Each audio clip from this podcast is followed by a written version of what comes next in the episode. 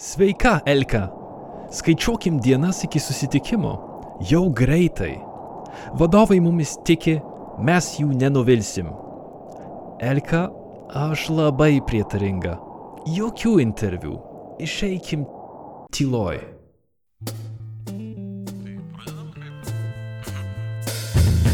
Kraujas, ugnis, brutalizacija, pasaulio paslaptys. Čia proto pemza. Ei, tu vienas septynių kilų aukštį.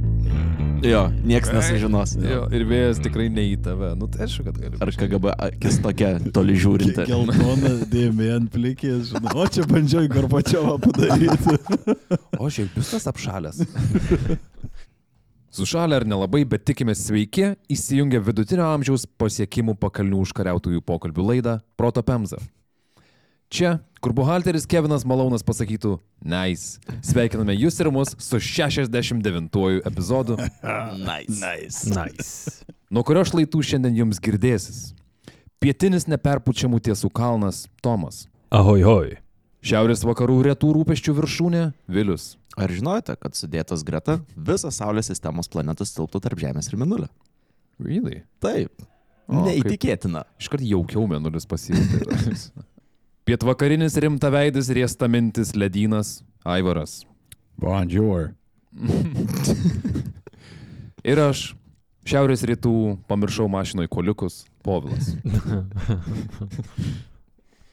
Po Stalino paaukštinimo į lavonus, Sovietų sąjunga lietai ir neritmingai krapštė skylę santykių su vakarais lede. Ir nors šaltojo karo kaitros potviniai ir atostogiai skalavo abiejų supervalstybių krantus, bendradarbiavimas tapo įmanomu. Šiandienos istorija prasidės nuo vakarų ir rytų susitikimo kalno papėdėje, tęsis ryštingais žmonių žingsniais į viršų ir baigsis išbarstytomis ambicijomis pakeliui atgal. Šiandien sužinosit, kokie negailestingi gali būti kalnai, todėl pasiruoškite dideliam vėjui ir prastam matomumui, nes lipsim į brutalią pasaulio paslaptį. Pasaulio paslaptį. Pasaulio paslaptį. Jūsų šaltam dėmesiui - Lenino kalno viršūnės tragedija. Ir labai greitai apie šaltinius. Labiausiai remiausi Vladimiro Šatajevo knyga Degrees of Difficulty, taip pat John Evans knyga The Pamirs, Evos Maurer 2020 m. darbu Gender in Detente and Disaster – Women Climbers in the Soviet International Pamir Camp 1974. Taip pat CNN ir New York Times straipsniais puikiais ir lietuviško alpinizmo veikiu. Hmm. Taip pat mažoji princu. 1974-aisiais daug ko nemačiusias Sovietų sąjungos parduotuvių lentynas pirmą kartą pasiekė Pepsi-Cola. O Maskvą aplankė paskutinį mėnesį JAV prezidentų dar pabūsintis Nixonas. Sovietams ir Amerikai bandant gerinti santykius, supervalstybių durys buvo pravertos lygiai tiek, kad susipažintų ne kosminiai aparatai ar raketų paleidimo sistemos, o paprasti žmonės. 74 vasarą Amerikos alpinizmo klubas gavo kvietimą atvykti į Sovietų sąjungą. Pamyro kalnuose buvo rengiama tarptautinė alpiniada. Sovietų alpinistai metaforiškai žaidė namų rungtynes ir privalėjo laimėti. Mūsų istorija prasidės didžiausių Pamyro viršukalnių verandų, iš kurios matosi 7 km aukštį lenkiantys kalnai snieguotom viršūnėm. O tu kalbėsi apie techniką, kurią naudojo jie ten lipdami, ne? Nu, užsivensiu kažkiek, o ką? Ne, nu galvoju, kokia technologinė pažanga buvo tuo metu. Turėjo jie radio ryšį ten, ar ne? Turėjo čia šiaip vienas svarbiausių išradimų, kuris apskritai leido žmonėms lipti vis, vis aukštesnius kalnus. Tai dabar, tarkim, jeigu užlipu į 7 km ir noriu selfie pasipostinti, įmanoma? Oh, nežinau, ar iš vis reiktų tai daryti, bet žinau, kad Tele2 turi dylą, kaip nemokamai dar labiau pasigerinti ryšį telefone. Tam gali užtekti tiesiog kelių paspaudimų. A ne? Papasakok daugiau. Savo iPhone arba Android ieškok Voice over LTE arba Volte nustatymu. Aktyvuok jį ir jeigu turi 4G internetą, mėgaukis Volte garso kokybę ir kalbėk toliau naršydamas internete. Ai, tai galiu su kažkom šnekėti HD vaizdu ir dar browsing tuo pat metu? Taip. Teledu primena, kad tokia pati paslauga veikia ir jeigu esi prisijungęs prie Wi-Fi. Tavo skambučiai eis ne per telefono ryšį, o per Wi-Fi, kas ir kokybę užtikrins, ir telefono baterijos sutaupys. Įsijung šitą funkciją, nes ji nieko nekainuoja. O nauda, o kokybė. Tai teoriškai aš iš kalnų galėčiau naršyti internete ir tik toką įsikelti. Teoriškai įmanoma, praktiškai nereikalinga. Sužinok daugiau Teledu puslapyje. Nuorodą rasi epizodo aprašyme. Teledu. Dar daugiau greičio ir kokybės jūsų skambučiams. Bent storį gal galima? Kur yra Pamyro kalnai? Centriniai Azijoje kalnynas driekėsi per Tadžikiją, Kiniją ir net Afganistaną. A, ok. Vienas aukščiausių Pamyro kalnų dangų raižo ties 7134 metrais. Ilgai manyta, nes apsiskaičiuota, kad šis kalnas buvo aukščiausias Pamyre, todėl ir pavadinimas jam duotas ne kieno nors kito, o Sovietų sąjungos tėvo Lenino. Mm. Bet 33 buvo atrasta, kad šalia tūkstantį Stalino viršukalnė buvo bent per gerą televizijos bokštą aukštesnė e, už Leniną. Mm. O paskui po Stalino mirties pervadino į komunizmo viršūnę. U, nice. Į Kirgiziją ir Tadžikistaną skiriantį Lenino kalną pirmą kartą žmonės įlipo tik tai 1928 rugsėjai.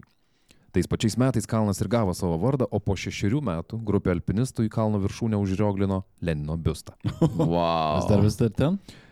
Kai kur rašo, kad ne, bet tada nuotraukos sako, kad taip, bet jis toks futbolo kamulio dydžio. Ai, Nu, okay. jo, jo. Vienas labiausiai apkeiktų biustų tikriausiai. Lenino kalnas buvo vertinimas kaip neįtin sudėtingas, todėl per beveik šimtą metų buvo nulaipėtas iš visų pusių. Lietuvių alpinistų grupė jau šiam penktais buvo pasiekusi Lenino viršukalnį. Kas toks pasiekė, nepaslaptis? Paslaptis. Ir čia 1974 Liepą kalno papėdėje esančioje pagrindinėje stovykloje stovėjo 160 žmonių iš Sovietų sąjungos, iš vakarų Europos, Japonijos ir pirmą kartą Amerikos. Kaip rašė alpinistas Šataevas, bendros baimės ir norai turėjo sumenkinti politinius, institucinius ir ideologinius skirtumus. Pagrindinė stovykla buvo 3600 metrų aukštyje. Ten alpinistai įsikūrė ilgesniam laikui, kol vyko ekspedicijų planavimas ir aklimatizacija. Seniai apsibrėžinėjom savokas. Jei! Labai redukuojant aklimatizaciją reikalinga, kad kūnas priprastų prie praretėjusio oro. Kaip tik kolegė neseniai buvo kalnuose ir pasakojo, kad tuo metu, kai vyko būtent aklimatizacija, atrodė 3,5 dienos, kad esi visą laiką ant pahmo.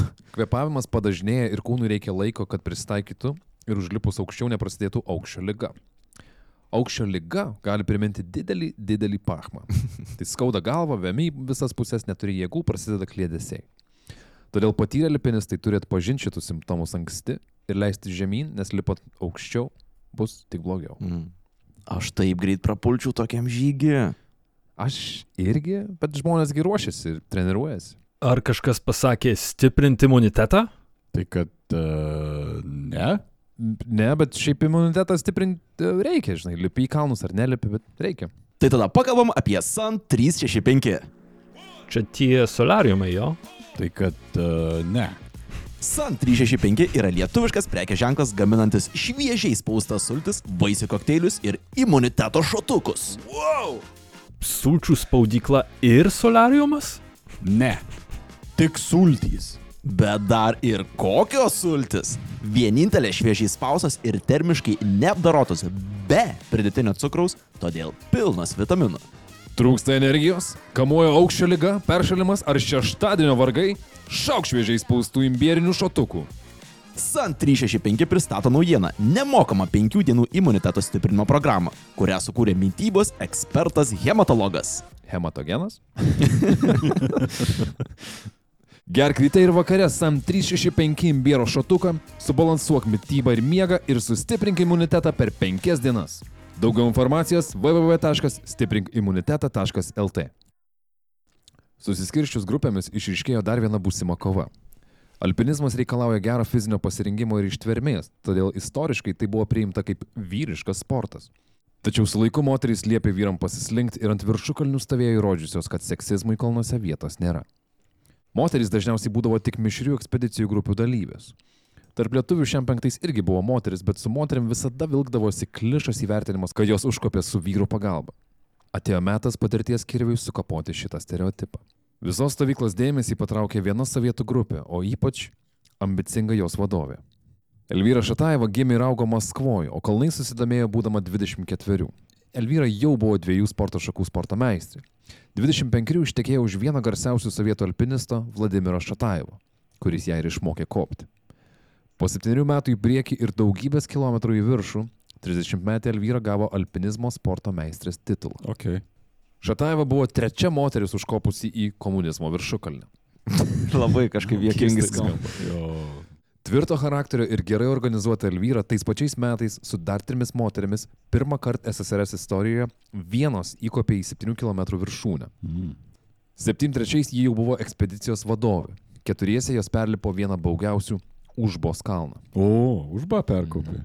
Užba vietinė kažkokia tenai kalba reiškia nelaimių kalnas. Jo, ir jis okei. labai spūkiai atrodo. Jis turi dvi. Atrodo kaip Batmano ragai.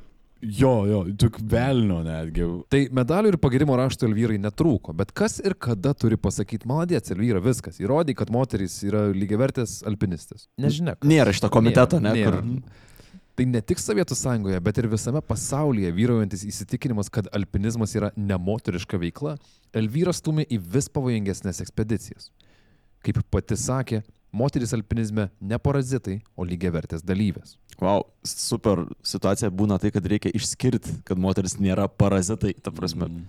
Man rodos, moterim į kalnus kopti yra šiaip sunkiau dėl dviejų priežasčių. Uh, viena yra fizinė jėga ir jeigu mes imsim tuos 30-uosius, 70-uosius, kada įranga yra tiesiog sunki, daug sunkesnė nei dabar, tai, tai jau yra vienas toks apsunkinantis elementas, o kitas yra, ir čia irgi bijau nusišnekėti, bet man rodos, kad moterų ir vyrų raudonųjų kraujo kūnelių skaičius e, skiriasi, e, koncentracija, kas reiškia, kad tas kvepavimas aukštumose yra dar sudėtingesnis, sunkiau yra prisisavyti deguonies tiek pat, kiek e, vyrui analogiškai e, situacijai. Kas reiškia, kad reikia dar, nu, kad tos, kurios užlipa, yra kietesnės tam tikrą prasme.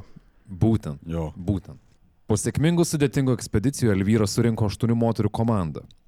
Kai kurias jį pažinojo iš anksčiau, o su kai kuriuom buvo bendravusi tik laiškais, tačiau jos visos pagrindiniai stovyklai susirinko 74 Liepos 10. Ten prasidėjo itin uždaro moterų klubo misija. Buvo sugalvotas maršrutas. Kodėl būtent šitą kalną pasirinko tuo momentu? Elvyra jau buvo įlipus į komunizmo ir į Korženevskają ir šitas buvo antras didžiausias Pamyro kalnas. Ai, okei, okay, tai toks karteliais kėlimas logiškas tuo metu Taip. tai atrodė. Okay. Taip. Į Lenino viršūnę veda bent aštuoni keliai, kai kurie truputį persidengia. Pagrindinę stovyklą ir viršūnę skiria trys stovyklavitės, o sąlygos kiekvienoje iš jų prastėja. Vėjas ant snieguotų šlaitų pereikia bet kokius pagalbos prašymus, o susitarti su gamta pavyktų taip pat, kaip mums pasileisti merčą. Moterys savo ekspedicijai į viršukalnę pasirinko kelią pro Lipkino uolą. Pasiekusios viršūnę moteris turėjo ten pernakvot, o tada nusileisti pro Rasdėlnąją viršukalnę. Gal kažkam įdomu, kuo grįžimas ne pro ten pat keičia žygį. Dėl reljefo ypatumų pakilti pro Lipkino uolą būtų sunkiau, bet nusileisti pro Rasdėlnąją lengviau. Bet, kylant ir leidžiantis tuo pačiu maršrutu dalį daiktų, kurių nereikės, pavyzdžiui, lipant vieną iš etapų, galima palikti kažkurioje tai stovyklavitį ir susirinkti grįžtant atgal. Tai šito Elvyros komanda Nenorėjau daryti. nenorėjo daryti. Ir matosi, kad buvo nusteikusios labai rimtai. A, nu jo. Nu jo, nes būtų iš karto, oi, tai jūs čia pasirinkot lengvesnį kelią. Pagrindinėje stovykloje aštuonetas net įsikūrė toliau nuo kitų. Jos atrodė, elgėsi ir tarėsi kaip komanda. Galiojo griežta tvarka, vyko atviros diskusijos, jos kartu valgė, kartu sportavo, kartu lipo į aukštesnės stovyklas, kartu iš jų ir sugrįždavo. Viskas atrodė daug žadančiai, bet kalnuose galioja labai mažai žmogaus sugalvotų taisyklių. Alpinizmo menas yra vengti pavojų, su jais kovoti, juos neutralizuoti pasitelkus meistriškumą ir primityvę įrangą. Liepos 25-osios naktį Kalnas nusprendė pasielgti kaip tas paskutinis išgertas šotas per manevringame taksi namo. Jis nusprendė nustebinti visus aplink. Ta naktį užėjo tokia smarkiai puga, kad kalnai nuo viršaus iki pat apačios pasidengė sniegu. Vietiniai tvirtino, kad jau 25 metus nebuvo tokio dalyko.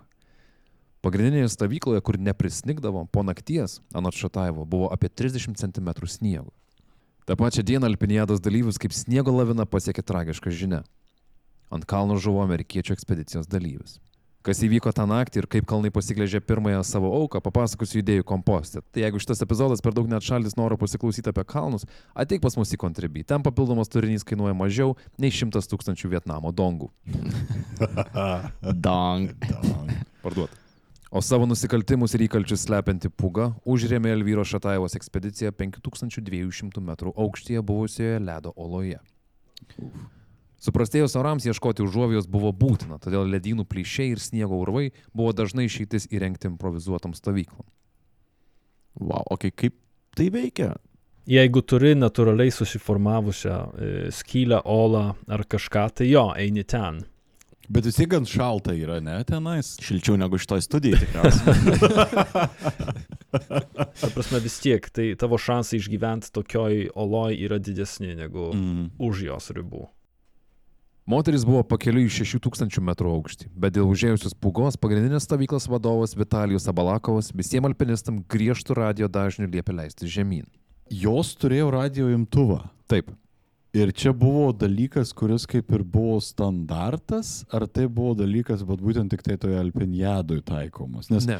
primink, Dietlovė neturėjo. jie. Man atrodo, kad ne. Bijau dabar pameluoti, seniai buvo šitai. laikas buvo. Tam. Ok, jo, okay vėliau. tai daug seniau, gerai. Aš tiesiog suvest norėjau, nes, nu, va, ar ne, Dietlovė visai neturėjo jokio ryšio. Ir čia Mhm. Jo, atrodo, kas būtų padėję gal potencialiai. Yra gan didelis tarpas laiko tarp Nu, abiejų. kiek? šitų. 7 ketvirti čia, o ten Nu, tai penkdevinti. pe- 15 metų. Šio- Jo, bet tai Nu, technologija jo. nuo racijos, kuri ten mašinos, mašinos dydžio iki Kaip- Kaip alaus bačka, tai ar alaus bačka racija imsi. Plus didelis tarptautinis renginys, tai būtų biski sarmata prieš vakariečius, jeigu nebūtų kažkas ati- atityšęs tos dėžės su radio e, siųstuvu. Jo, kad nereikėtų naudoti podelio sujungto su siūlu, žinai, į kalną kopę. We have a coconut phone. Reikalavimas turėjo tvirtą pagrindą, nes pūgai nusiaubus kalną, penkių estų ekspedicija radio ryšių paprašė pagalbos. Jie nebuvo tartutinės alpiniados dalis, bet gelbėtojai skubėjo padėti. Trys iš penkių estų į kalno žudiko papėdę negrįžo. Anomalinė pūga ir augantis kalno apetitas pasilikti savo suvenyrinius inkliuzus sutelkė alpinistus į pagrindinę stovyklą. Tai čia gaunasi, kad vos nelabai per trumpą laiko tarpą pradėjo labai daug žmonių mirti. Ta pati pūga. Kadė. Ten Vladimiras Šatajevas laiką leido su draugu, taip pat sporto meistru, Dainiumi Makausku. O. Dainiumi Makausku. Mm. Makauskas buvo itin pasikaustęs alpinistas iš Kauno, įkopęs į daugiau nei 60 viršukalnių visame pasaulyje. Jis pirmasis iš lietuvių gavo prestižinį snieginio leopardo įvertinimą, kurį teikdavo įlipusiem į penkias aukščiausias SSRS viršukalnes. Viena iš jų ir buvo Lenino viršukalnė. Šatajevas su Makausko aplankė tokių įkurtą moterų stovyklą. Kelią jiems pastojo dar garuojančių samčių ginkluota Ira Liubimceva. Grupelė moterų greitai prisistatė prie atėjūnų. Elvyra iškilmingai išėjo iš palapinės. Kas jie tokie ir ko jie nori? Sako, kad svečiai Svečiai? suka ūsą dar. Vyrukai 15 minučių klausėsi moterų krizenimo, kol jos palapinėje tarėsi, ką daryti su šitais svečiais. Tada jiems buvo duota po lapą popieriaus parašyti prašymams būti priimtiems pasisvečiuoti stovykloje. Moterys pašipinėjo vyrus. Kaip savo darbę pastebė Eva Maurer, moterų stovykla buvo priešingybė už jos esančiam vyriškam pasauliui. Svečiams buvo leista netoliese pasistatyti palapinę, kurie praleido dvi dienas. Anot Šataevo per jas jie iš moterų stovyklos negirdėjo nei vieno ginčio.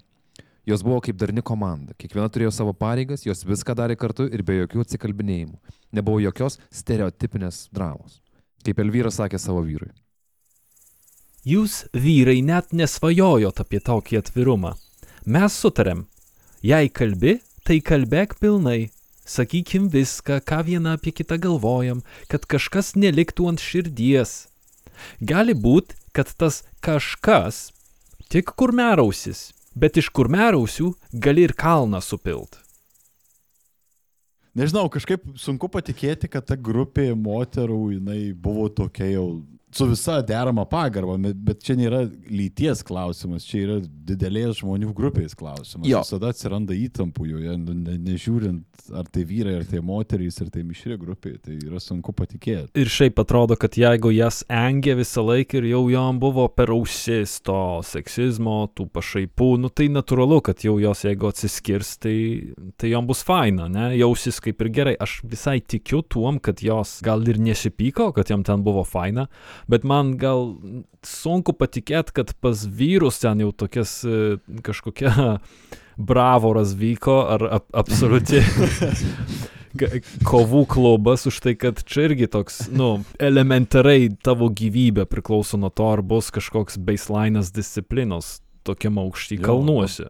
Jos net atmetė devintą dalyvę, kuri norėjo eiti su jom, bet Šataiva vėliau ir pasakojo vyrui, kad, ir čia beveik cituoju, per daug kalbantį garbėtrošką, kurie atrodo ne į kalną, o į patį dangų norėjo užlipti. Tai kažkokio filtravimo, e, kas netiktų į kompaniją, buvo. Šataivas su Makausku tą naktį ilgai aptarinėjo fenomenalią komandą. Stiprų kumštį, kuris rodos trenks į Lenino kalnų viršūnę taip, kad liapsi lavina ilgam palaidos seksizmo Sovietų sąjungoje, o gal ir pasaulyje.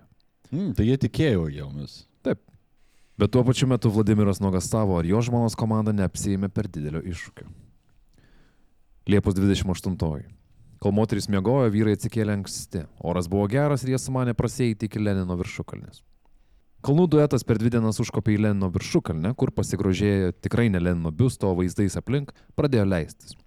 Tai nustojo pūga, viskas. Jo, Okay. jo, jo pastaisė labai gražus oras buvo. Uh... Reiškia, nei vienam iš jų tai nebuvo pirmas užlipimas į tą viršūnę? Ne, ne. Jie būdu turėjo snieginio leopardo ženkliukus. Tai jie būdu jau tikrai buvo įlipę į Leno kalną, nes tai buvo viena iš sąlygų, kad tu gautum tą apdovanojimą. Ok. Besileisdami maždaug 5000 metrų aukštyje, jie pamatė pažįstamas sovietinės palapinės. Moteris kaip tik ruošė maistą, kai Šataevas su Makausku sustojo pasidalinti įspūdžiais. Šataevas bendražygės vyrų pasakojimą prieimė kaip pagiras, o Elvyra liepė neklausyti ir neimti širdį, nes vyrai turėjo savo misiją, o jos savo. Šataeva patikino praeivius, kad iki rūpiučio 9 jos spės užlipti į viršukalnę ir grįžti kitų kelių. Tai jos čia irgi pradėjo yra kopti. Taip, Tuo taip. pirmąją kelio dalimi. Taip. Okay. Jos pakeliui į viršūnę yra. Diskusijoms aprimus visi kartu pavalgė kotletų su greikiais. Kaip rašo, pavėmęs ir pasiruošęs leistis toliau, Šataevas pasivedė Elvyrą į šalį ir liepė pažadėti, kad jeigu kažkas pasieks savo lipimo ribas, tegu visos grįžta pro ten pat. Elvyra jį patikino, kad jeigu kažkam bus blogai, į viršūnę jos net nekops. Bet jeigu viršūnę pasieks, eis numatytų keliu, nebent Abalakovas iš pagrindinės stovyklos pasakys kitaip. Elvyra pažadėjo būsinti visiškai atvira dėl savo komandos būklės. Nuramintas ir apsisukęs eiti, Šataevas dar atsisuko ir šūktelėjo žmonai. Greitai pasimatysi Maskvoj. Pakviesk visas merginas pas mus į namus. Šataevas ir Makauskas pradėjo leistis ir moterys liko kalno valioje. Ta pačia diena jie pasiekė pagrindinę stovyklą, iš kurios su reikalais išskrido į Maskvą. Kalnai, kaip ir greitųjų kreditų sutartys, gali pasiūlyti daug pavojų ir mažai gailesčių. Lipant į tokį aukštį, net mažiausias asmeninės bėdos gali susiakumuliuoti į bendrą tragediją. Besiruoždamas šitam epizodui perskaičiau apie dešimtis nelaimių kalnuose, tai kaip sofos alpinistas sukurpiau kelias taisyklės. Nepersistenk, nes toliau bus tik sunkiau. Viršūnės siekimas užtrunka savaitės, kartais ir mėnesius. Taip ilgai link tikslo ėjusius žmonės, palyginti nedidelis atstumas iki viršūnės, gali apakinti ir tu jų niekaip nesustabdysi.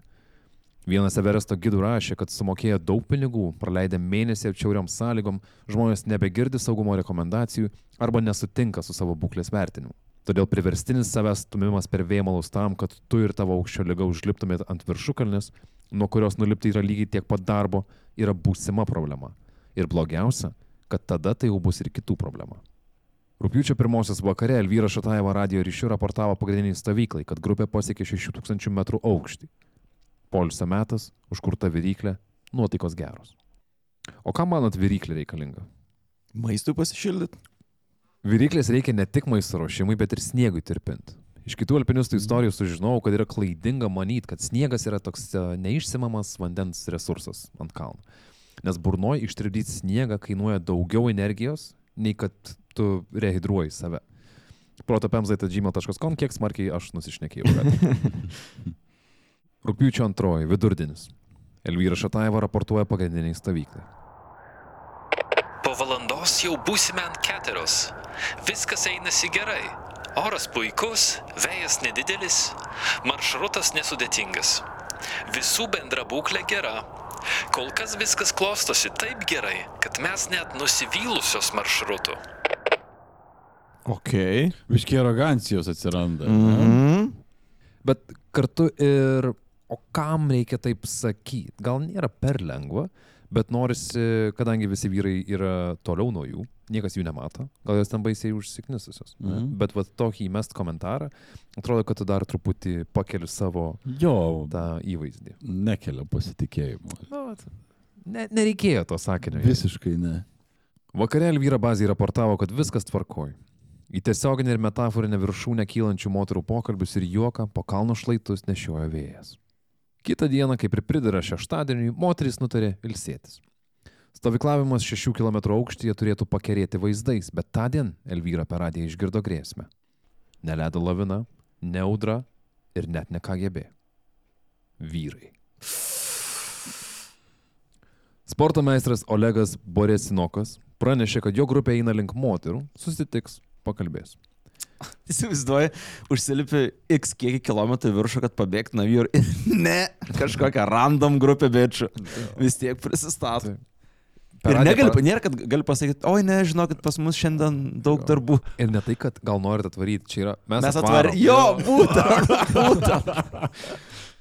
Neradau jokių įrašų ar susitikimas įvyko, bet vertinant moteriškių modos operandį iki šiol, svečių jiems reikėjo taip pat kaip rozetei virbalų. Vakare Šataiva bazai sakė, kad teisingai padarė paimdama laisvą dieną. Man šitas sakinys keistai nuskambėjo, jum ne? Mm, Jo. Atrodo lyg hintintų, kad yra grupiai nuovargis arba kažkokios problemos. Bet galėjo būti kita priežastis. Diena buvo debesuota ir amerikiečių grupė buvusi žemiau raportavo, kad buvo baltoji tamsa. Whiteout. Kai debesys apžergia kalnus ir debesų baltumas mm. susilieja su sniego baltumu ir tu nieko nematai. Nieko nematyti. Jo. Elvyra dar sakė, kad rytoj turės atsigriepti už pralisėtą dieną ir gal net bandys pasiekti viršūnę. Rūpiučio ketvirta. Iš kitos viršūnės pusės į viršūnę lipo Georgijaus Korepanovo vedama grupė. Tądien jie pasiekė viršukalnę ir pradėjo lietai leistis žemyn.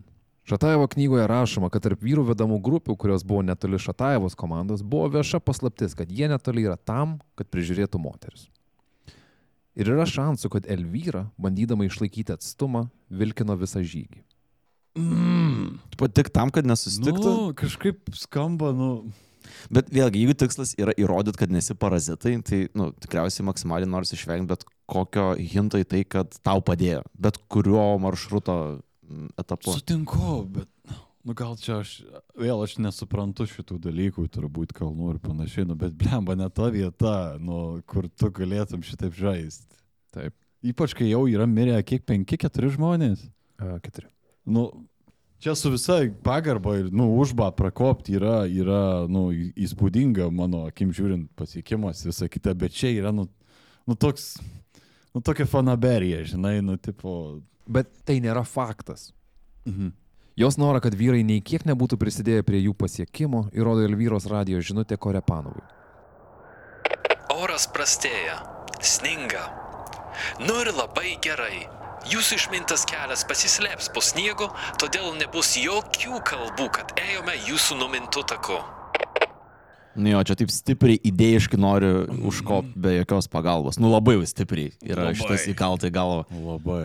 Yra man dviejopas toks jausmas. Jo iš vienos pusės ar ne, gal atspindi, ant kiek buvo blogai visa ta pašaipa ir, ir toks bandymas nustumti žemyn. Kita vertus, ar čia ta vieta? O, jo, ar čia ta vieta? Ar čia yra tas mūšis, kurį dabar... Aš galvoju, gali būti kažkoks demonės ir vyrui tikriausiai labai nori įrodyti gal savo patyrusiam alpinistui, kuris tikriausiai ten paukino ją vis laik, ne, vis tiek, ne, ir kažkas padės, ne?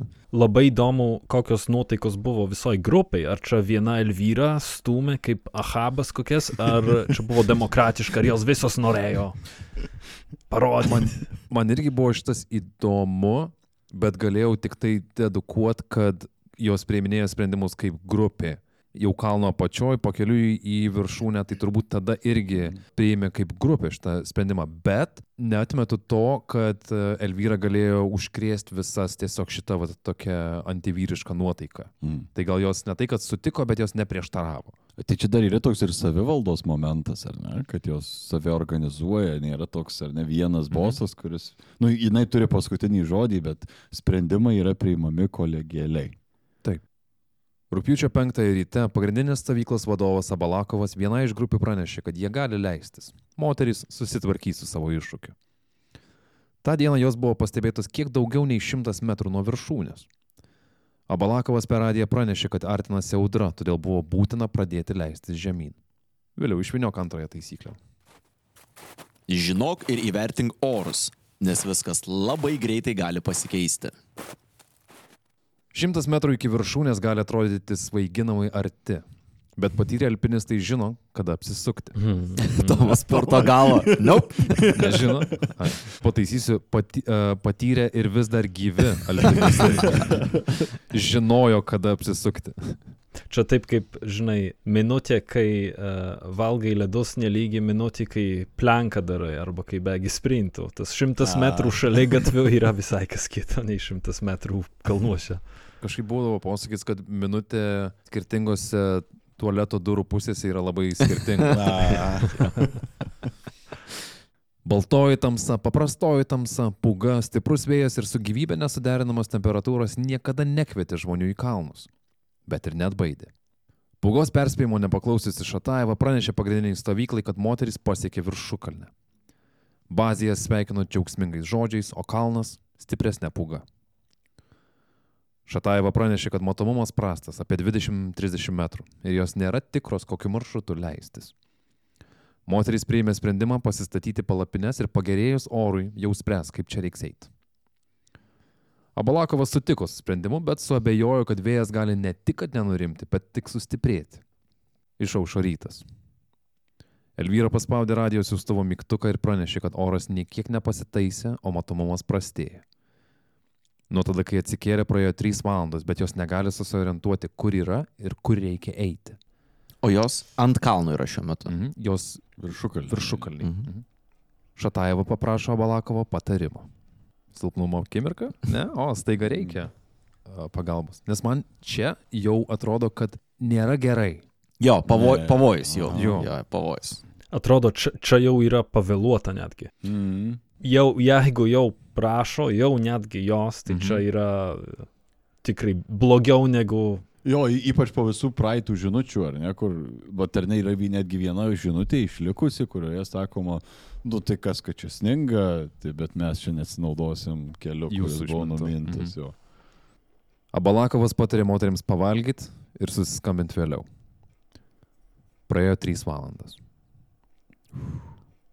O tai jis liepė jom pavalgyti ir taip vėliau susiskambė dėl to, kad ir pats turėjau kažkaip tai pamastyti, ką jom patart. Labiau čia buvo tikimasi, kad kažkas Aprims, oruose ane? pasikeis. Mm, okay. Tu neturi labai daug patarimų. Tai Mhm. pavalgykit, kad neprarastumėt šilumos, nes jos buvo, jos norėjo eiti. Tai bent jau susiruoškit Mhm, tiek, mhm, kad mhm. jeigu staiga pasitaiso nors kiek oros, nes jos net nematė jokio plyšio uh, debesyse. Mhm. Ir tu net nežinai, kur eiti, nes jeigu žengsi čia, gal nukrisi nuo skardžio. Mhm. Niekas nepasikeitė. Jokio pagerėjimo. Vėjas tik sustiprėjo. Matomumas nulinis, nežinom kur eiti. Mes pasiruošusios pradėti leistis bet kada. Gal žora turi patarimų? Praneškit, jei kas nors eis link mūsų.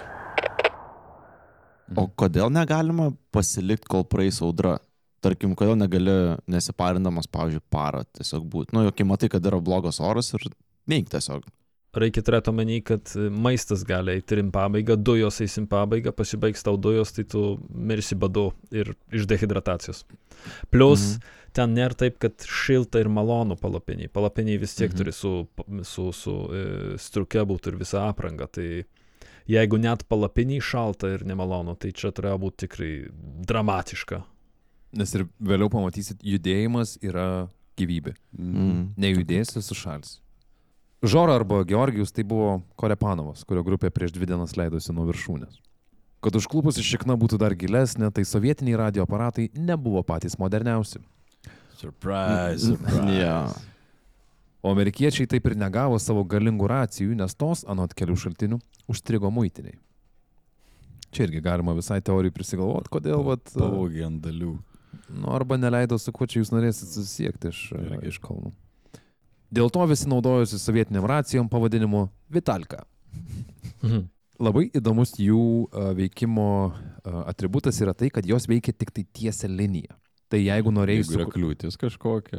Jeigu Pats tas kalnuose. kliūtis, nemanau, kad sustabdytų taip smarkiai, bet jeigu norėjai su kažkuo susisiekti, kas buvo už kalno kampo, Na, nu, aišku, per visą kalną neįs uh, ta banga, bet jeigu kažkas ir kas e, yra už kalno kampo ir tu su jais nori susisiekti, tai turėjai rast, kas retransliuos tavo žinutės. Okay. Kampu. Kaip, kaip veidrodžiais Taip. siūst šviesą kokį signalą. Okay. Dėl šios priežasties Korepanovas Elvyro žinutės negirdėjo. Boris Senokas, kitos grupės uh, atstovas, tą žinutę perdavė Korepanovui ir taip vyko nesugedęs, bet labai prastos kokybės telefonas. Tai čia buvo bičias kažkurioje kitoj kalno pusėje, Mhm. mhm. kempino. Taip, Ar, nu, irgi leidosi, bet, jo, bet Okay. oras irgi neleidžia Jo, jo, leistis, jo, kad jo. turi vyras. Mhm. Išsirengi rengi. Tai tu. Nusirita tokį, žinai, kaip ragdoll ir atsikelia. Oh, Šitas buvo sunkesnis. Korepanovas gerų žinių neturėjo. Niekas link moterų per tokį orą nesiuošė eiti, nes greičiau ne jas pasiektų, o taptų šaltos mėsos ant kapių savo neapgalvotam žygiui. Bet pagal tam tikrus orientyrus buvo paaiškinta, kaip maždaug reikės leistis, bet tik netokiam sąlygom. Elvyra atsakė, kad jos pasitars. Praėjo dar keturios valandos. Oras niekiek nepagerėjo. Priešingai, jis vis blogėja ir blogėja. Mums čia nusibodo, taip šalta. Mes norėtume palikti viršūnę ir greičiau pradėti nusileidimą. Labai šalta, labai stiprus vėjas. Prieš leidžiantis, Vitalijau Mikhailovičiau, ką Jūs manote apie mūsų pasiūlymą? Ir dar labai norime pakviesti gydytoją. Turime klausimą, reikia pasitarti. Uf. Jei. Čia, jau čia viskas labai blogai skamba. Man vis tiek keista, kad nesako, kodėl reikia gydyti, nes tokia paslaptėlė šiek tiek, bet reikia jo, ne? Tai dar gydytojo nėra, nu tu nesu gydytojas, šnekėsi. Nu, Nu, kaip ir taupai bateriją turbūt. Tikriausiai, operacijos. Skirtingose aukščiuose esančios komandos klausėsi radio bangų atneštų prašymų.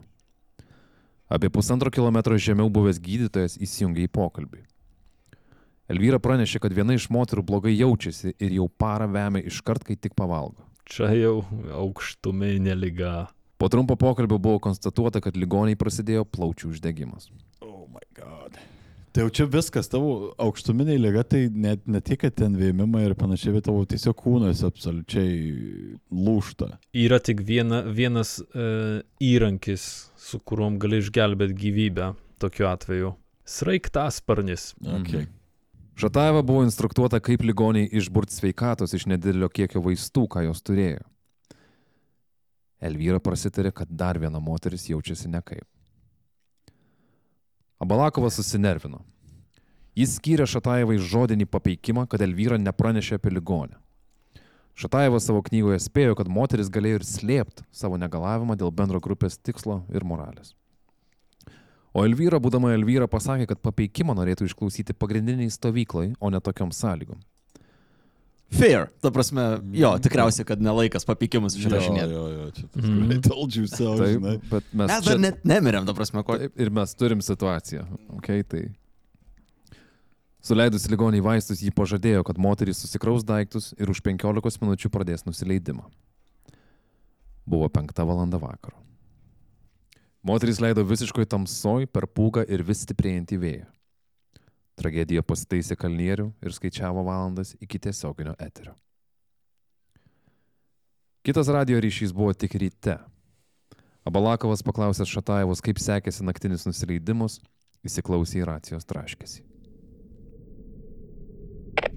Vakar, 11 val. vakaro, leidžiantis Irina Liubimceva tragiškai žuvo. Labai liūdna čia, kur kažkada buvo taip gražu. Tai jau jų liko septynios šituo momentu. Taip. Keli šaltiniai teigia, kad tą naktį Irina prie savęs su karabinu prisirišo tokį metalinį kilpinį aparatą. Lyg ir jo pavadinimas yra skridinys, aš net esu tikras. Ir taip vis atitraukdavo daugiau virvės besileidžiančio moterim. Metalas daugiau nei 20 laipsnių šaltį ir stiprų vėją atlaikė. Irina - ne. Ji mirtinai sušalo laikydama saugos virvę kitoms. Kaip kūnas reaguoja į šaltį? Iš pradžių drebi, kas yra nat- natūralus kūno bandymas sušilti. Temperatūra nukrenta iki kad ir 32 laipsnių. Suprastėja motorika, o toliau šalant, paradoksalu beje, bet tu nustoji drebėti. Suprastėja aplinkos savokimas, atsisako kalbos padargai. Temperatūrai nukritus iki 28 laipsnių pradeda retėti kvepavimas, o tu ir taip esi ten, kur sunku kvepuoti. Po truputį atsisako gyvybiniai organai, o jei mirčiai pasiseka paskubėti, tiesiog sustoja širdis. Irinai iš dalies pasisekė, nes tai, kas laukia likusių septynių, buvo tik šaltos kančios pradžia. Pirmai progai pasitaikius moteris sustojo ir pasistatė palapinės, nes leistis nebuvo nei fizinių, nei moralinių jėgų. O tada antrą valandą nakties Lenino kalno šlaitus pradėjo šukuoti uraganas. Ką? 150 km per valandą greitį pasiekiantis vėjas išrovė moterų palapinės ir kartu su viltimis pradangino nakties tamsoje, o išgyvenimui reikalingi daiktai skrido į visas puses. Sunku pasakyti, kuri čia pabaigos dalis, bet dar tikrai ne pabaiga. Išgyvenusios iki ryto moteris sugebėjo atrasti raciją, kuria ir pranešė apie nakties įvykius. Sužinojus apie nelaimę iš pagrindinės stovyklos iškart iškeliavo sovietų, prancūzų, britų ir austrų alpinistai. Bet užlipti 7 km į kalną per tokį orą gali užtrukti mažiausiai kelias dienas. Šataivas su Makausku per puikų orą dvi dienas Mm. užtruko, o čia moteris nebeturi nei palapinių, nei pirštinių, nei krosnelės.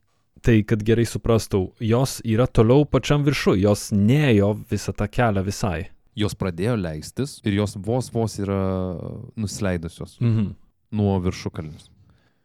500 metrų žemiau buvo grupė japonų alpinistų. Dvi valandas blaškėsi pūgo, jie nesugebėjo jų rasti. Panašiu atstumu buvo ir amerikiečių grupė, kurie vėliau tvirtino, kad naktį prieš tai girdėjo nesuprantamą moterų šauksmą, bet kai išeidavo iš palapinės, gausdavo tik vėjas. Apie antrą valandą dienos Šataiva pranešė, kad mirė dar dvi moterys. Viena jų klausė Elvyros, kada jos vėl pamatys gėlės, kita kalbėjo apie savo vaikus. Likusios turėjo tris mėgmaišius penkiems žmonėms. Beveik visos nušalo rankas. Abalakovas galėjo tik patarti joms judėti, nes tik taip generuosi šilumą. Skaičiau istorijos apie alpinistus, kurie sulaužytom rankom lipo nuo viršukalnių vien tam, kad judėtų. Ir buvo išgyvenusi. Kas valandą Elvyra raportavo, kaip smarkiai blogėjo jų situacija. Trys iš penkių nebegalėjo pajudėti. Jos negalėjo išsikasti užuovijos ir negalėjo leisti žemyn. Liko tik laukti. Elvyra per raciją atsiprašė, sakė, kad jos labai stengiasi, bet visus nuvylė. Per raciją skambėjo raginimai leistis, į ką Elvyra atsakė nenoru palikti tiek daug kartų pasiekusias bendražygės. Negalintys tęsti nusileidimo turi būti palikti. Antraip rizikuoji visą grupę. O, wow, čia kaip fremenai per Dune, jeigu apankė išmeta į, į, į dykumą. Viena, dvi, gal net keturios būtų išgyvenusios. Nežinom. Bet visas kaip pradėjo kartu, Mhm. taip ir liko kartu. Čia sunku pasirašyti po šitą taisyklę, bet sunku ir nepasirašyti. A, Visi, manau, kaip ir sutiktų, tie patyrę kalnų vilkai, bet iš kitos pusės, pamenu, buvo toks incidentas prieš porą metų. A, K2 Lenkų ekspedicija buvo miksuota Lenkas ir dar ten, man atrodo, Britas, galbūt klystų dėl tautybės. Ir leidžiantis žemyn nuo to kalno, tas Lenkas paliko savo kolegą, kuris irgi ten jau negalavo, sunkiai ėjo ir jis tas Lenkas nuvarė tiesiai pats pirmas. Ir tada pasipylė ant jo didžiulė kritika, ne tik tai iš, bet visų pirma iš žiniasklaidos, bet ir iš alpinistų bendruomenės, Lenkijos alpinizmo e, sąjungos, man atrodo, kurį sakė, kad vat čia buvo toks neetiškas elgesys, kita vertus buvo daug alpinistų, kurie gynė, sakė, kad nu jo, čia taip ir savaime suprantama, kad arba abu Mm. mirs, arba kas gali tas išsigelbėja. Tai, nežinau, filosofijos studentam klausimas. Abalakovas liepė visoms sugulti kuo arčiau viena kitos ir taip bandyti neprarasti šilumos. Aštuntą vakaro nuskambėjo tuščias pažadas, kad pagalba bus rytoj, jūs tik ištemkit per naktį. O tuo pačiu metu Abalakovas viena iš ieškančiųjų komandų prasitarė, kad moterys ilgai neišgyvens. Rūpiučio 7. Po 9.12. Radio eterija pasigirdo kitas balsas. Galina Perechadiuk sunkiai tarė žodžius, bet pagaliau rado jėgų ir tarė. Mes likom dviese. Nebėra jėgų. Po 15 ar 20 minučių būsime mirusios. Mes jūs mylim. Sudie. Damn. Jo, ganėtinai tamsi žinutė atgal į mhm. bazę. Tai realiai likom dviesę, tai jų tikriausiai Elvyros nebėra čia, ne? Turbūt ne. Arba Elvyra nebeturėjo jėgų irgi e, mm. uh, spausti mygtuką.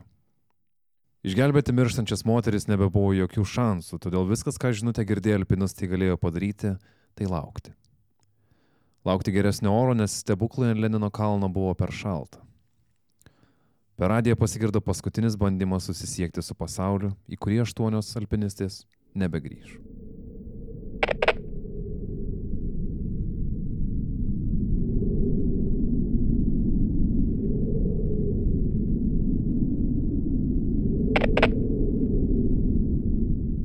Viskas, kas buvo, tai tiesiog paspaustas mygtukas ir jokių žodžių. Static kažkoks, ar ne? Tik Tai tai kur, jie- jeigu užteko tik tai mygtuką paspaus, bet ne, nebekalbėti. Ai, šiek tiek kažkaip. O, šitas labai tamsus. Radio mygtukas buvo paspaustas du kartus, bet niekas nekalbėjo. Fone tik ūžė aštuonių žmogžudysčių bendrininkas. Elvyro Šatajevos vedamos komandos žygis baigėsi šešių kilometrų aukštyje. Rūpiučio 8 Vladimiras Šatajevas jau buvo pakeliu iš Maskvos į pagrindinę stovyklą. Už kūnų paiešką atsakingi vadovai norėjo neleisti jam kopti atpažinti aukų, bet jis prisiekė jiem, kad nori, gali ir lips. Juolab, kad buvo vos nelabiausiai patyręs alpinistas iš visos stovyklos. Savo knygoje jis labai jausmingai aprašė, kaip sunku yra lipti į tokį susitikimą su žmona. Sovietų procedūros dar reikalavo oficialaus atpažinimo, ką ant kalno viršūnės yra sunku padaryti aprašant lavonus, todėl jam buvo duotas diktofonas. Mm. Tai tu dar turi žiūrėti į savo Mhm. žmoną ir duot detalės visas. Ai, Šatajevas pradėjo sunkiausią savo alpinizmo žygį. Ta pačia diena oras pagerėjo ir japonų ir amerikiečių grupės rado moteris nukritusias vos ne kaip punktyrinė linija. Pranešę tragedijos koordinatės Abalakovui, vyrai pasitraukė. Į kalną užlipęs Šatajevas išsitraukė diktofoną ir pradėjo atpažinimo procesą. Už dešimties metrų nuo Elvyros gulėjo Galina.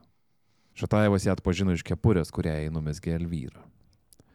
Ant jos rankų buvo koinis, bet viena buvo nuslydusi tiek, kad matėsi jos vestuvinis žiedas. Kažkaip įsivaizdavau, kaip bučiuoja tą žiedą, kaip paskutinį tiesiog dalyką. Mhm. Buvo iškasti du kapai.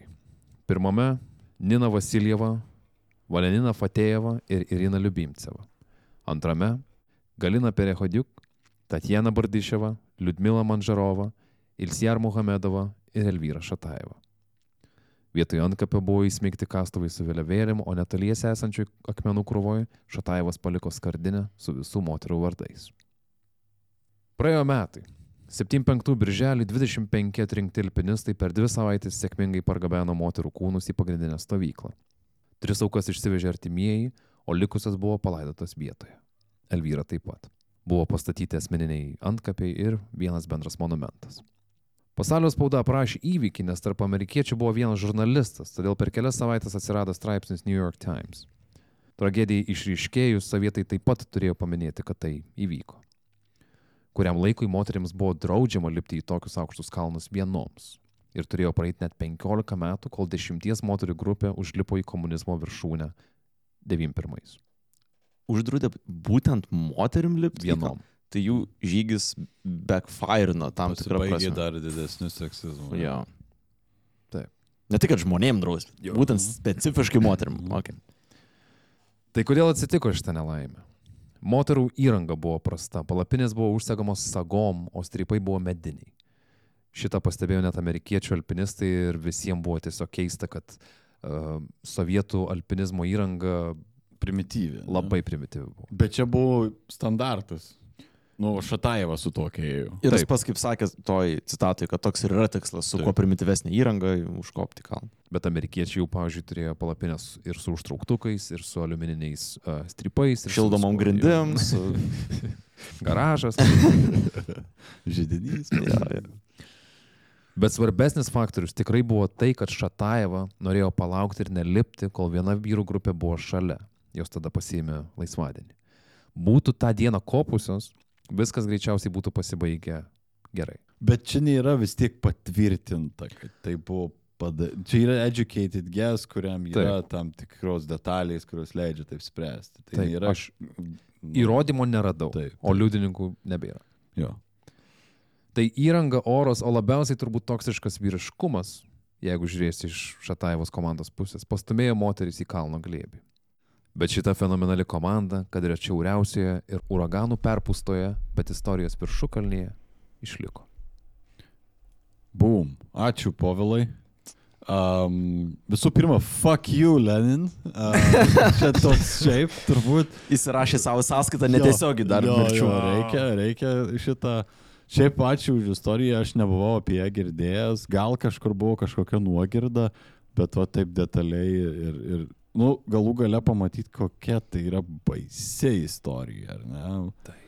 Visada yra, yra tas ar ne aspektas, kad e, kalnuose, nu net ir šiek tiek prasėjus, tu supranti, kaip čia gali blogai būti, jeigu dalykai pasisuks ne tą linkmę. Net ne, nežinau, tiesiog net ne oras, o koja kryptelsi ne taip. taip. Pasuksi ne ten, kur reikia. Nu, tiek daug gali dalykų sušokti negerai ir, nu, ir tu tada neturėsi niekur, kur suktis, kreiptis ir taip toliau ir panašiai. Bet net ir šitą suprantant, vat, girdint tokias istorijas ir ypač tas paskutinėsias akimirkas, ar ne, kur siunčiamos žinutės, nu, nesumažėja tas toks slogus sunkumas, kuris apima, ar ne, kur mes gyvenam dabar pasaulyje, kur atrodo viskas visur visada beveik yra pasiekiama, anksčiau ir vėliau, mes čia kažkada prieš porą savaičių šnekėjom, ar ne, kad vat, e, greitoji pagalba atvažiuoja, ar ne, per, per Mhm. keliolika minučių, viskas yra ok, kai anksčiau reikėdavo laukti kelias valandas. Bet atrodo, kad kalnai yra viena iš tų kelių sričių ar vietų pasaulyje, kur iki šiol, jeigu tu padarėjai blogą įimą, yra vis dar didesnė, daug didesnė tikimybė, kad tu ten ir liksi. Ir liksi labai pabaigdamas dienas, nu tiesiog baisiai. Nes atrodo, šių moterų pabaiga buvo baisiai. Ir dar liūdniau yra tai, kad tai viski nuvedė. Iš vienos pusės jie, jos buvo padarę nuostabių žygių, iš kitos, kad tai nuvedė prie užtvirtinimo sisteminio, sisteminio seksizmo. Ir čia Mhm. yra turbūt. Man sunkiai suvo, aš negaliu pas, paaiškinti pats savo, kodėl tai buvo nuspręsta. Tai jo, ačiū. Lieka, lieka peno pamastymams ir turbūt ieškosiu kokio nors filmo apie... apie Lenino viršūnė. Apie tokias istorijas, nežinau, nes jos iš vienos pusės yra beproto baisios ir šiurpios ir visa kita, bet kartu ir yra nu, labai traukiančios, nežinau. kaip, Labai. nu, Pasakyti. Jo, Dėkui, Paulai, už istoriją. Man irgi kaip jau ir visiškai negirdėta buvo. Daug įdomių aspektų yra, bet labai gerai užsiminė tą asmeninių tragedijų, kiek aštuonios asmeninės tragedijos ir kažkaip, kai uh, kalbam apie tuos paskutinius, paskutinės akimirkas, tai fucking tamsu to vieta yra. Kad ir koks buvo tikslas, kad ir ką norėjo įrodyti žmonės, ir be, įrodė, užlipo į, į kalną, bet Taip. dėja kelias atgal baigęs visiškai uh, ne taip, kaip, kaip buvo užmanyta. Lemba labai įdomu, ką norėjo pasakyti paskutiniais tais paspaudimais Mhm. radijas ir ar sakė ir tik nesigirdėjo, bet tokia Ar buvo mintyse, bet Jo. neišsprūdo. Ačiū, Pavlai, visą laiką įdomu klausyti tų istorijų žmogaus versus gamta. Mhm. Aš čia tokį norėtų pasakyti dalyką, už kurį gali būti gausiu biski piktų komentarų ar e, kontroversišką dalyką, bet man atrodo, kad tos, ta, ta komanda, ta grupė įrodė viską, ką norėjo įrodyti. Dėl to, kad tam kalnui absoliučiai dzin, kas ant jo lipa. Vyrai, moterys, šunės. Padarai klaidą, sumoki kainą. Ir tos moterys jos žuvo tragiškai, bet žuvo lygiai taip pats, kaip būtų žuvę vyrai. Tokiom pačiom aplinkybėm. Šitoj vietoj jos parodė absoliučiai jokio skirtumo, ne? Galų gale, kad jos irgi yra žmonės. Ir norėtų dar pridurt, Aivarai, jeigu tau norisi pažiūrėti kažkokio filmo, ta tema labai rekomenduoju filmą Touching the Void. Mhm. Dokumentinis filmas irgi apie, e, apie, apie e, alpinistus, bet gal čia iš Andų kalnų, iš Pietų Amerikos. Toks, wow, plaukai šaušiasi, Okay. plaukai šaušiasi, Okay. labai, labai gera istorija. Ok, pasižymėsiu būtinai. Ačiū. Tai va, tokia istorija. Kitą savaitę idėjų kompostė papasakosiu apie e, pirmąją auką šitos e, ekspedicijos, kuri buvo. Dar atskleisiu, kad buvo šiaip e, ne viena ne tik Šataivos komanda buvo moterų grupė, kuri bandė pasiekti Leno viršukalę, buvo dar viena. Mhm. Tai papasakosiu ir apie ją, tai po savaitės tikiuosi įsijungsit, raskit mus Contribui, raskit mus Facebook'e, Instagram'e, Ne A. Wikipedijoje. ne Wikipedijai, vis dar aš nesuprantu, kaip šitą kalną neįkopėm. Ir nepamirškim pasitikrinti, ką šneka Lenkija. Skaudi vieta, seniai nieko nerašau, pažadu taisytis, amen. Tai mes tave taip įpareigojam, žinai, per šitą pasakymą. Tikiuosi, net šaldėm baisiai. Ačiū Jums, susitiksim už savaitės. Ačiū tau. Ačiū tau. Murky Baukup. Ačiū. Iki. Iki.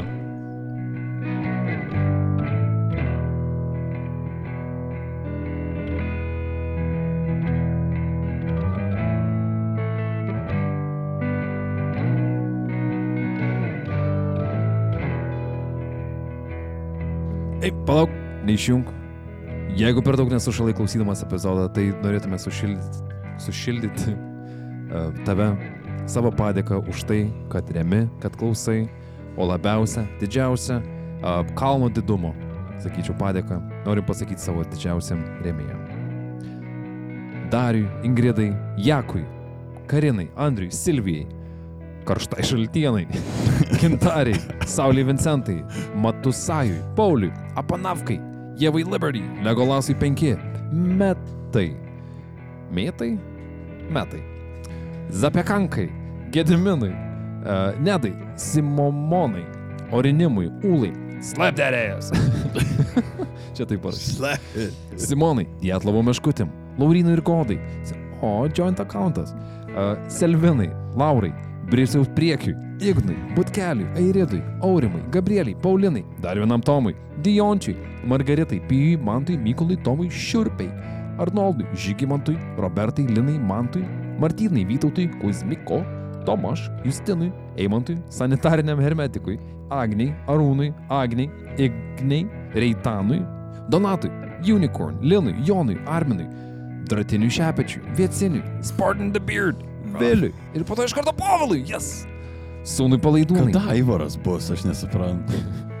Jevai, Tomui, Saidai, Martynui, Sozijai, Vitalijai, Justinai, komisijos policariatui, O, okay.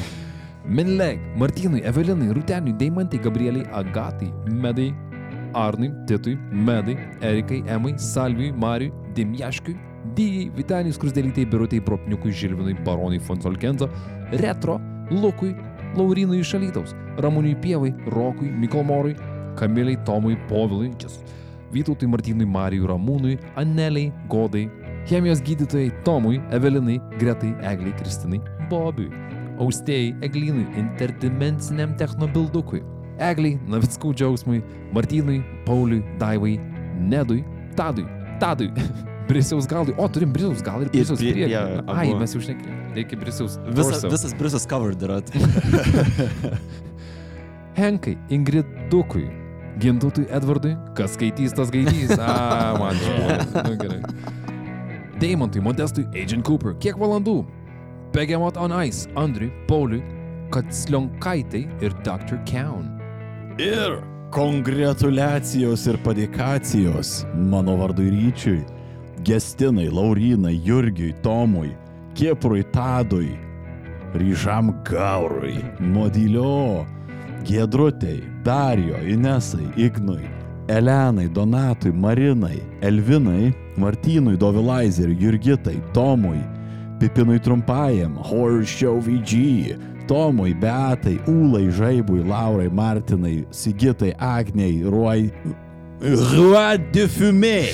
Net pagarsi. Eimučiui, Laurai, Gabijai, Andriui, Martynui, Editai Tapačiai, Šlikščiam seniui, Irmantui, Pauliui, Ananasinių vafliukų gurmanui. Maudėt. Disgusting.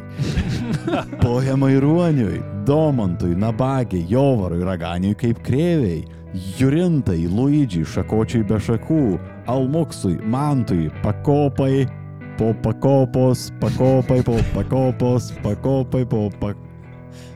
Papokos, pakopai po pakopos, pakopai po pakopos. Beje, klaida buvo pačiame pavadinime, o ne, ne mano skaitymas. Bet kaip Orin- tau papula antrą kartą išėlės? Man patinka. Orintai, Čiharai, Major Tomui, Juozui, Didai Bybui, Špunpeliui, Rimantui, Badzimbiškių kamienui, Vilmai, Aurimui, Kopustėjai, Martynui iš Raufos, Dianai, Tulpaitei, Liochai, Eiviliai, Neringai, Ugniai, Živiliai Jėvai, Eitvydui. Tai yra skolininkui. Alright. Ir kluotojui, tautvydui, žiedūniai, arūniai savo, katablankui su katablankiukais, pelėdžiukams, liudai, daivai, marzazilui, mantvydui, egidijui, milijonai, jėvai, martinui, godai, dainvieniui, Radzvilai, Giedriui, Erikai, Egliai Tryženkliukas, Mičigau, Artūrui, būsimai Aivaro žmonai vis dar, uh, Duke Silver, Julijai, Ritai, Dainorai, Liniui, Donatui, Donatsui, prašau, Justinai, Kristinai, Benediktai, Mantūsui, Doviliai Mariui, Dariui, Egzybau, Laimonui Vil, Pikabuzebų, Birutei, Eimantui, Birutei, Baronui, Arūniai, Neringai Nykštukų fabrikėliui, Ingridai, Vaidui, Viktorijai, Jėvai, Gerdai, Laurinui, Rapului, Barškalui ir kažkokie keisti kringeliai, Brigitai, Gretai, Renatai, Max Galingumui, MG, Migliai, Donatui, Tadui, Jogiliai, Vaidotui, Vnurčikui, Mindaugui, Kiprui, Simai, Migliai, Pauliui, DJMTV, Monikai, Akviliai, Tomui, o taip pat Simonai. Bei be abejo dėkojam širdingai šiltai ir šiek tiek pavargusiai Donatui, Džiugui Mindaugui, Pauliui Lau, Domantui, Brisiaus Torsui. Tai turim cielą Brisiaus. O, visas yra komplektas.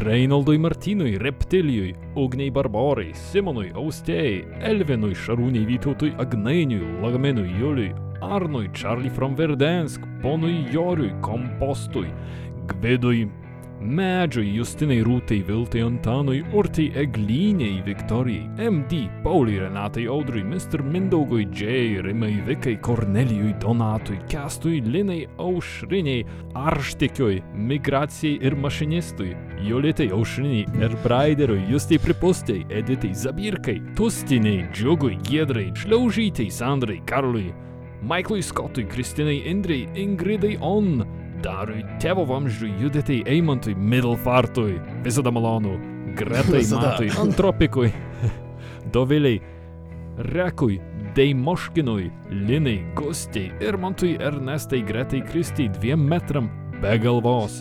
Ausies skausmui Vaidotui, Pauliui, Deimantai, Audrai, Jurijui, Melitai, Arūnai, Rūtai, Ryteniai, Ingai, Gretai, Silvijai, Robertui, Marijui, Rimai, Pauliui, Redai, Laimonui, Aknei, Doviliai, Arnui, Pėjui, Mindaugui, Doviliai, Egliai, Meškai, Donelaitai, Robertai, Augustai, Mykiai, Pūrui, Soliukiai, Geruliai, apsizuikę kopusteliavusiam žolininkui, Justui. Justas, Justas nėra žolininkas. Vytautui, Migliai Darui, Dėdei Tomui, Mantui, Akučkaitei, Tadzikučiui, Benui, Editai, Pukeliui, Linai, Egliai, Gediminui, Evelinai, Sauliui, Tadui, Vygai, Arnoldui, Raimondui, Solvegai, Povilui, Raimondui, Mykolui, Mantui, Bytskai, Gretai, Jonui, Marijai, Mildeliai, Brisiaus Torsui. Turim Brisiaus du torsus Brisiaus turim. torstus. Turim du brisus, torsus, wow. brisus, gal ir bri, Nu, tai brisus. reikia antrą kolekciją rinkti. Tai mums dabar trūksta. Taip dabar. dabar jau trūks. Dabar trūksta vieno gal ir vieno priekį. Aušai, Doviliai, Albinui, Imon Zimon, Elijui, Martynui, Irmantui. Taip pat karščiausius ačiū sakome toliau. Videopunk, Dievoje Gurkui, Gailiai, Inai, Monikai, Simantui Makštučiui, Sau, Remigijui, Dariui, Inesai, Gintai, Ritai, Egliai, Aidai, Monikutei, Skirmantui, Viliui, Kristinai, Emontai, Alvitai, Mariui, Vytautui, Tomui, Egliai, Julijai, Robertui, Povilui, Jorindai, Gretai, Mildai, Andreliui, Dominykui, Rasai, Arūnui, Justijai, Marijui, Marijui, čia du skirtingi žmonės, Arminui, Stepanui, Šarūnui, Rūtai, Auretai, Justinui, Kunigundai, Venskūnaitai, Mirandai, Kūjimugiui, Mikui, Eirimiai, Ainui, Domantui, Justinui, Rolandui, Gabrieliui, Tomui, Medoniui, Gretai, Rasai, Akviliai, ne šiaip Indriai, Ufonautui, Edvinui, Sauliui, Arvidui, Burbulišės, Nastiušai, Brigitai, Linai, Vaidai, Eugenijui, Monikai, Volter Punk, Giedriui, Lincijai, Aistai, Nerijui, Marko, Vy, Gabrieliai, Antimeridijam, Meškaugiai, Ingridai, Gretkai, Gnietį, Upė Veket. Na. Jurgitai, Karoliui, Gabijai, Jovitai, Simui, Bučinskaitai, Šarvuotui, Martynui, du atskiri. O, okay. Čia du atskiri, vienas yra Šarvuotas, kitas yra Martynas. Gertukui, Mantui, Kubekui, ar Kubėkui, nežinau. Kubekui. Kubekui. Kubekui, Kubekas. jo, jo. Viktorijai, Martynui, Povilui, Tomasino, nu taigi Tomasgi. Ui. Simonai, Eimantui, Šarūnui, Giedriui, Rokui, Robertui, Dainiui, Gytizui, Rokui, Kasijai, Vaidsui, Pauliui, Ačiū Braškutiai, Simonui, Benui, Solveigai, Ptščiui, Gabrieliui, Kotrynai, Živiliai, Migliai, Martynui, Lukai, Erikai, Rasytei iš Braškučių lysvės, O. Kentauro klasioko broliui, Čia vienas yra. du, Ai. Giedriai, Benui, Andriui, Paulaneriui.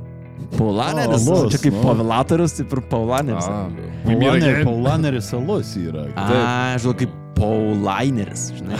Ai, okay. Aš maniau, kaip. Povelatoriaus priešas. My arch nemesis. Ja, Paulaneris versus Pa- Pavilatorius. Tomui, Tomui, Šarabumbiui, Tomui, Kamiliai, Sigitai, Justinai, tyliai, tyliai. Ananasiniam vafliui Giedriui, čia vienas beje buvo, Juozui, Viltai, Vaidzai, Agniai, Jurgitai, Davidui ir Linui. Ačiū Jums visiems, niekada Ačiū. neturėsim tiek daug ačiū, kiek Jūs jų nuspelnot. Ačiū. Ačiū, ačiū, ačiū. Nesušalkit.